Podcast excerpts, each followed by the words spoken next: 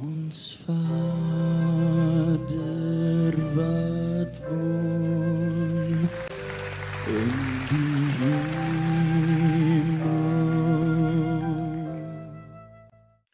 Welkom in die woonkamer.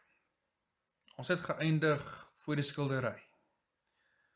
Mag jy Bybel oop by Lukas 15, lees vanaf vers 11 tot vers 32, die verhaal van die verlore seun.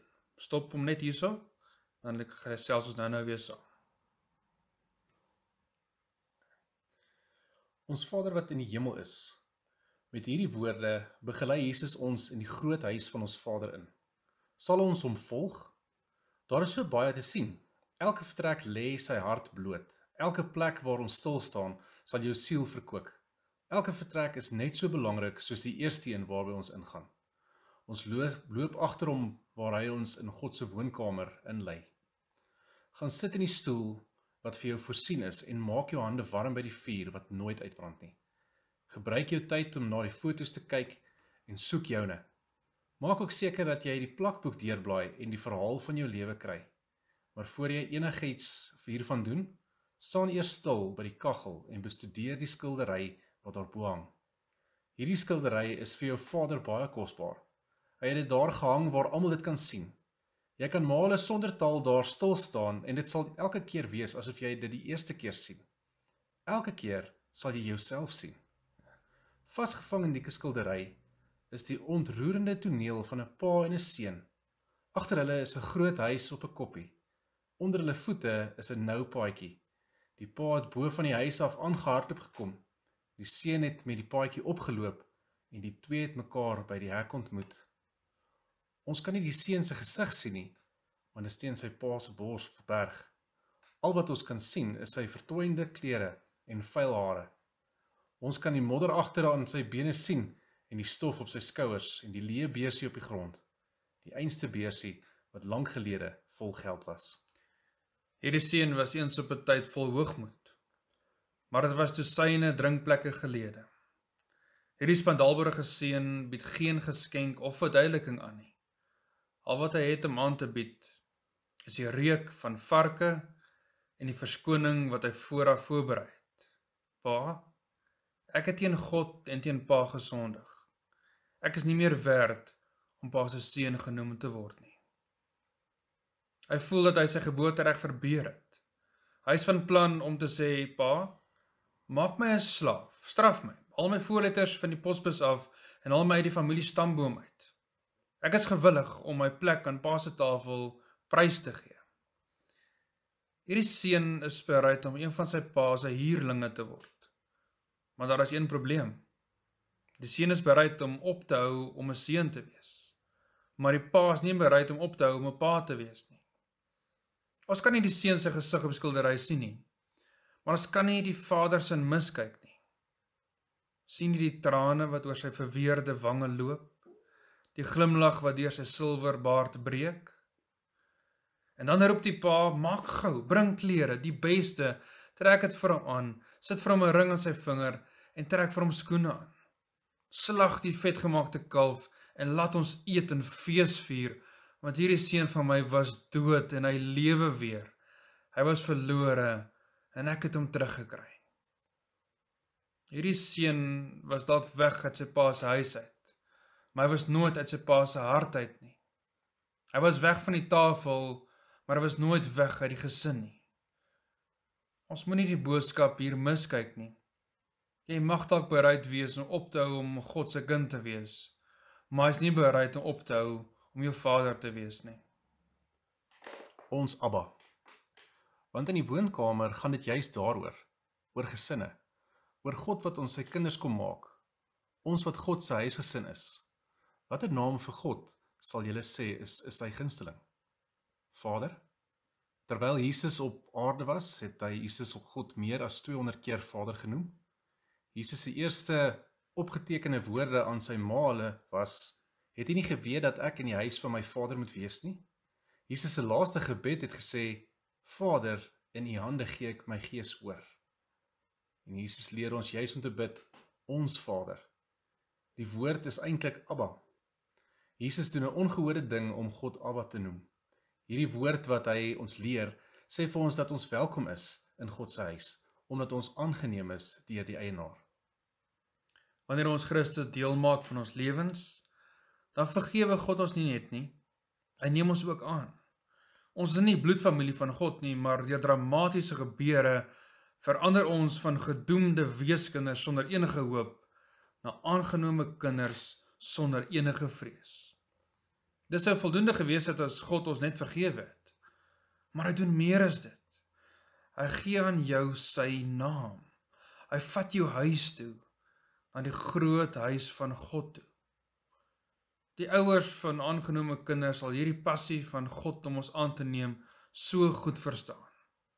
God het jou aangeneem. Hy het na jou gesoek, die dokumente geteken en jou huis toe geneem. Efesiërs 1 vers 3 tot 5 sê vir ons die volgende in die Lewende Bybel. Laat ons God die Vader van Here Jesus Christus geduldig prys, want hy het vir ons al die geestelike seën van die hemel gegee wat Christus vir ons verkry het. Dit was lank reeds gelede, nog voordat hy die aarde gemaak het, dat God ons uitgekies het om aan Christus te behoort. God wou hê ons moet heilig wees en sonder iets wat kort kom volgens sy oordeel. Hy het ons so lief gehad dat hy vooraf besluit het om ons sy eie kinders te maak. En dit is moontlik gemaak deur alles wat Jesus Christus vir ons gedoen het. God het so besluit omdat hy dit graag vir ons wou doen. En jy het gedink God het jou aangeneem omdat jy mooi is. Jy het gedink hy het jou geld of wysheid nodig. Jammer. God het jou aangeneem omdat hy wou. Hy het goed geweet hoe baie probleme jy sou gee en watter prys hy sou moes betaal, maar nogtans sy naam langs jou nog geteken. Jou naam na syne verander en jou huis toe geneem. Ons almal weet dit, maar die meeste van ons sukkel om te om dit te glo. Jy wag vir die vangplek, want daar moet een wees. Ons weet mense kry niks in die lewe verniet nie. Daarom sit jy en wag vir die rekening. Jy voel nog ongemaklik in God se woonkamer. Al die ander het al hulle pantoffels aangetrek, maar jy hou nog 'n front voor. Ander ontspan, jy stres. Altyd jou beste voetjie voor. Altyd bang dat jy verkeerd sal doen en dat God dit sal raak sien en sê, "Uit is jy." Ons sukkel om God te vertrou omdat dinge op die aarde so anders is en anders werk. Onthou God is nie 'n mens dat hy sou lieg nie. Hy is Abba, jou Vader. Kyk wat sê Romeine 8 vir ons. God het vir julle die Heilige Gees gegee. Daarom is julle nie so slawe nie. Julle moenie bang wees vir God nie. Nee, God het julle aangeneem. Julle is nou sy kinders. En Heilige Gees help ons om vir God te sê Vader. Ja, die Heilige Gees help ons om baie seker te weet dat ons God se kinders is. Ons ontvang die aanneming van God. Dis nie iets wat ons moet verdien nie. Aanneming is 'n geskenk wat ons aanvaar. Mag ek jou iets wys? sien jy die woorde aan die onderkant van die skildery in goud geskryf? Paulus het hulle neergeskryf, maar jou Vader het hulle geïnspireer. Hiervan is ek oortuig.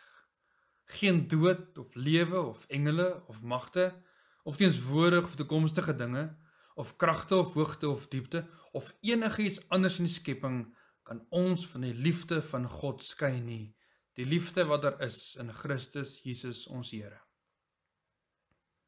jou vader sê jy nooit die deure wys nie die deure van hierdie vertrek staan altyd oop leer om te vertoef in die woonkamer van God Wanneer ander mense se woord jou seermaak of wanneer jou eie mislukkings jou ontstel, kom hier in.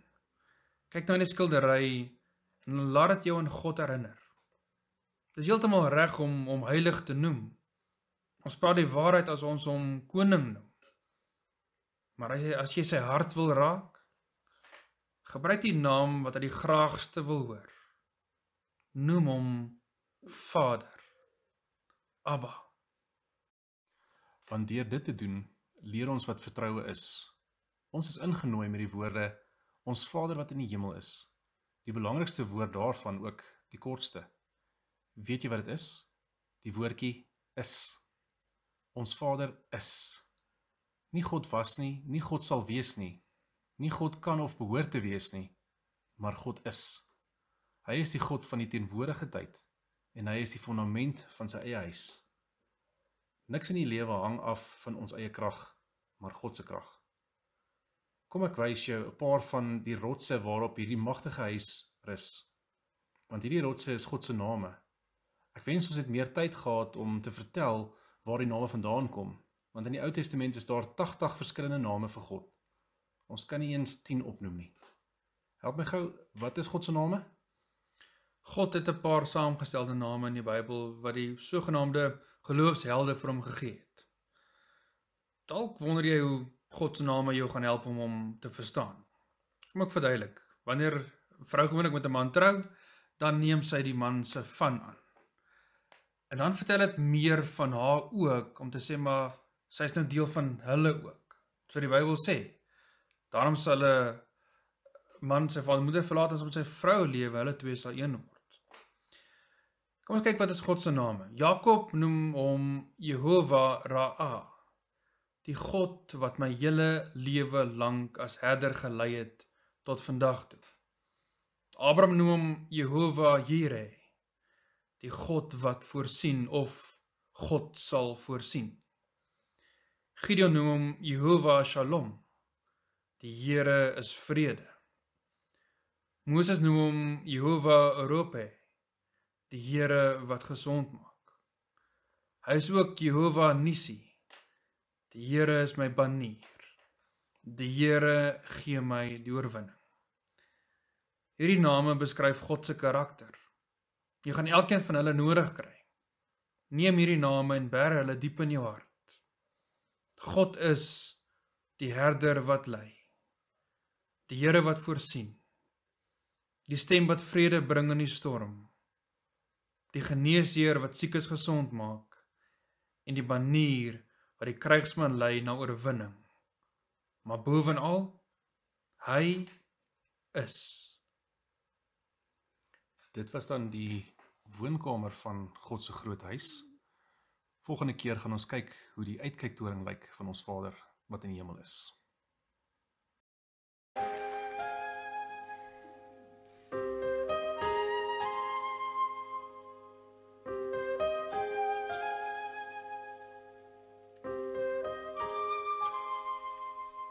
Ons Vader wat